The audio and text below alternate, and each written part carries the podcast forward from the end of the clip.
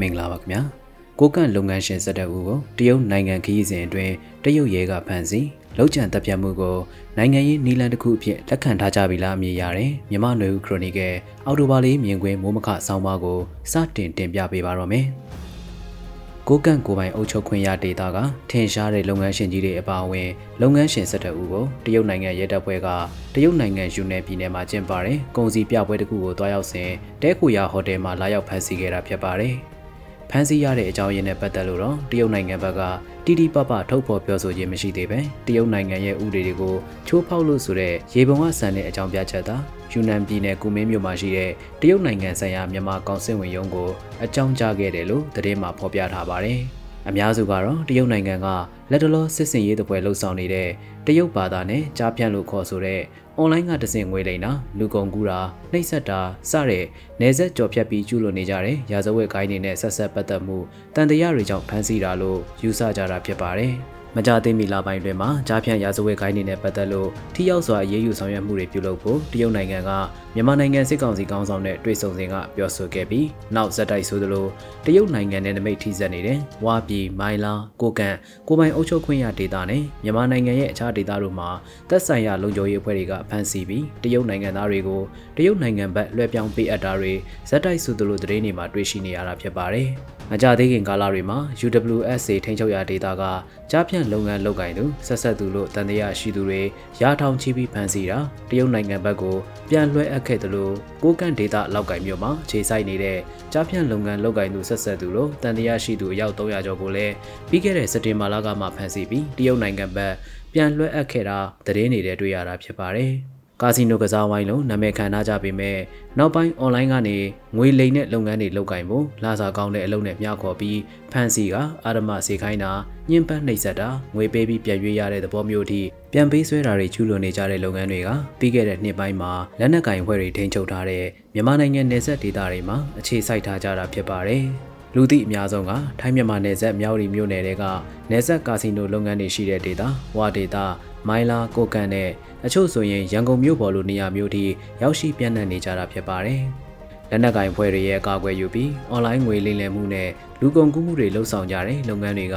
မြန်မာပါဝင်ရှေ့တောင်အာရှနဲ့နေရာဒေသအချို့မှာအခြေစိုက်ကြပြီးတရုတ်နိုင်ငံကရာဇဝတ်ဂိုင်းတွေနဲ့လည်းအဆက်ဆက်ရှိကြတဲ့သဘောလိုယူဆရပါတယ်။ အခုကမှာတော့တရုတ်ဆိုရအနေနဲ့၎င်းတို့ရဲ့ဩဇာအာဏာကိုအစွမ်းကုန်အသုံးချပြီးမြန်မာနိုင်ငံတွေကငွေလိမ်ကိုင်းတွေမှာပါဝင်ပတ်သက်နေတဲ့တရုတ်နိုင်ငံသားတွေကိုအရေးယူဖို့လှုံ့ဆော်နေတယ်လို့၎င်းနဲ့တန်တမန်ဩဇာကိုအစွမ်းကုန်သုံးကအိန္ဒိချင်းနိုင်ငံနဲ့ဒေသတွင်းနိုင်ငံတွေရဲ့နယ်နိမိတ်ထဲခြေဆိုင်နေတဲ့လုပ်ငန်းတွေကိုနှိမ်နင်းဖို့လူသိထင်ရှားဖိအားပေးလှုံ့ဆော်နေတာလည်းဖြစ်ပါတယ်ဒီလိုကိုကတ်လုပ်ငန်းရှင်၁၁ဦးကိုဖမ်းဆီးလိုက်ခြင်းကဒေသရင်းကကြံတဲ့လုပ်ငန်းရှင်တွေသာမကတရုတ်နိုင်ငံဒေသတွင်းအစိုးရတွေကိုပါတတိပေးလိုက်တဲ့သဘောနဲ့တက်ရောက်တာဖြစ်ပါတယ်။ တရုတ်နိုင်ငံဟာဒေသအတွင်းမှာအင်အားကြီးနိုင်ငံတစ်နိုင်ငံဖြစ်ပြီးကျန်တဲ့နိုင်ငံတွေပေါ်မှာ၎င်းတို့ရဲ့မူဝါဒကိုအကောင့်ထဲပေါ်ဖို့တရုတ်နိုင်ငံသားတွေကြားဖြတ်လုပ်ငန်းတွေမှာပါဝင်ပတ်သက်နေတာနဲ့ပတ်သက်လို့ပြင်းပြင်းထန်ထန်အရေးယူပြပြီးဒေသတွင်းနိုင်ငံတွေကပါလှုပ်ဆောင်မှုဖိအားပေးနေတာလည်းဖြစ်ပါတယ်။မကြခင်ကတရုတ်နိုင်ငံမှာစတင်ပြသခဲ့တဲ့ No More Bets လို့အမည်ပေးထားတဲ့ online ငွေလိမ်လည်မှုနဲ့လူကုန်ကူးမှုအကြောင်းရုပ်ရှင်ဟာမြန်မာနိုင်ငံရဲ့အကုန်သတင်းကိုပါထိပါစေတဲ့အတွက်ကြောင့်မလို့မြန်မာစစ်ကောင်စီအနေနဲ့တရုတ်နိုင်ငံတန်ယုံကတစဉ်ကန့်ကွက်စာပေးပို့ထားတဲ့သတင်းလဲပြီးခဲ့တဲ့ရက်ပိုင်းကပေါ်ထွက်ခဲ့တာဖြစ်ပါတယ်။ ဒီနေ့ပုံခြားသတင်းအကြောင်းအရာတရက်ကတော့ပြီးခဲ့တဲ့ရက်ပိုင်းကစစ်ကောင်စီအတွက်စစ်လက်နက်နဲ့နှီးပညာပစ္စည်းတွေကြားခံဝယ်ယူပေးတဲ့ကုမ္ပဏီပိုင်ရှင်လို့ဆိုတဲ့အသက်35နှစ်အရွယ်ညံလွင်အောင်ဆိုသူကိုရန်ကုန်မြို့ထဲက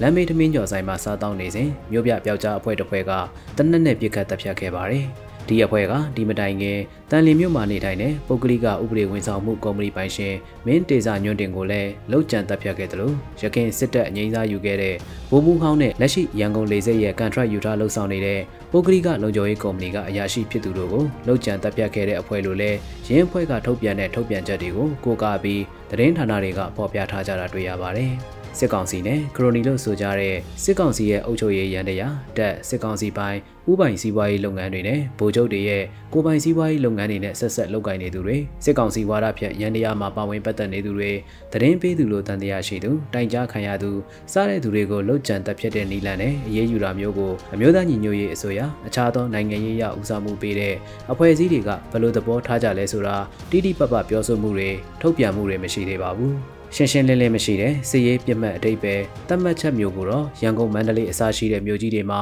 ဖြစ်ပွားခဲ့တဲ့ဒလန်ရှင်းလင်းရေးလှုပ်ကြံတပ်ပြတ်မှုတွေနဲ့ပတ်သက်လို့မှတ်ချက်ပေးခဲ့ဘူးတာရှိပေမဲ့စစ်ရေးပြစ်မှတ်တတ်မှတ်ချက်အရက်သားနဲ့လက်နက်ကိုင်အဖွဲ့ဝင်တတ်မှတ်ချက်တွေကိုအခုထပ်ပိုရှင်းရှင်းလင်းလင်းတတ်မှတ်ဖို့နဲ့မြို့ပေါ်မှာတွေမှာမကပဲကြေးရွာတွေမှာပါတရင်ပေးပြူစောတိအဖွဲ့ဝင်ဆိုတဲ့ဆွဆွဲချက်တွေနဲ့လောက်ကျန်တပ်ပြတ်မှုတွေဖြစ်ပွားနေတာနဲ့ပတ်သက်လို့လည်းဘူဝါဒအားဖြင့်အရေးယူမှုအပြင်ရှင်းရှင်းလင်းလင်းပြတ်သားတဲ့သဘောထားလှုပ်ဆောင်မှုတွေရှိတင်တယ်လို့ထင်မြင်မိပါတယ်။လောက်ကျန်တပ်ပြတ်မှုတွေကနိုင်ငံရေးအစဉ်လာအားဖြင့်တော်၎င်းရလက်အကျိုးဆက်ဖြင့်တော်၎င်းကောင်းကျိုးမရှိစေတဲ့အယူအဆနဲ့နီးလန့်တွေဖြစ်တယ်လို့ဆိုတာလဲအလေးထားသတိပြုသင့်ပြီလို့ယူဆရပါတယ်ခင်ဗျာ။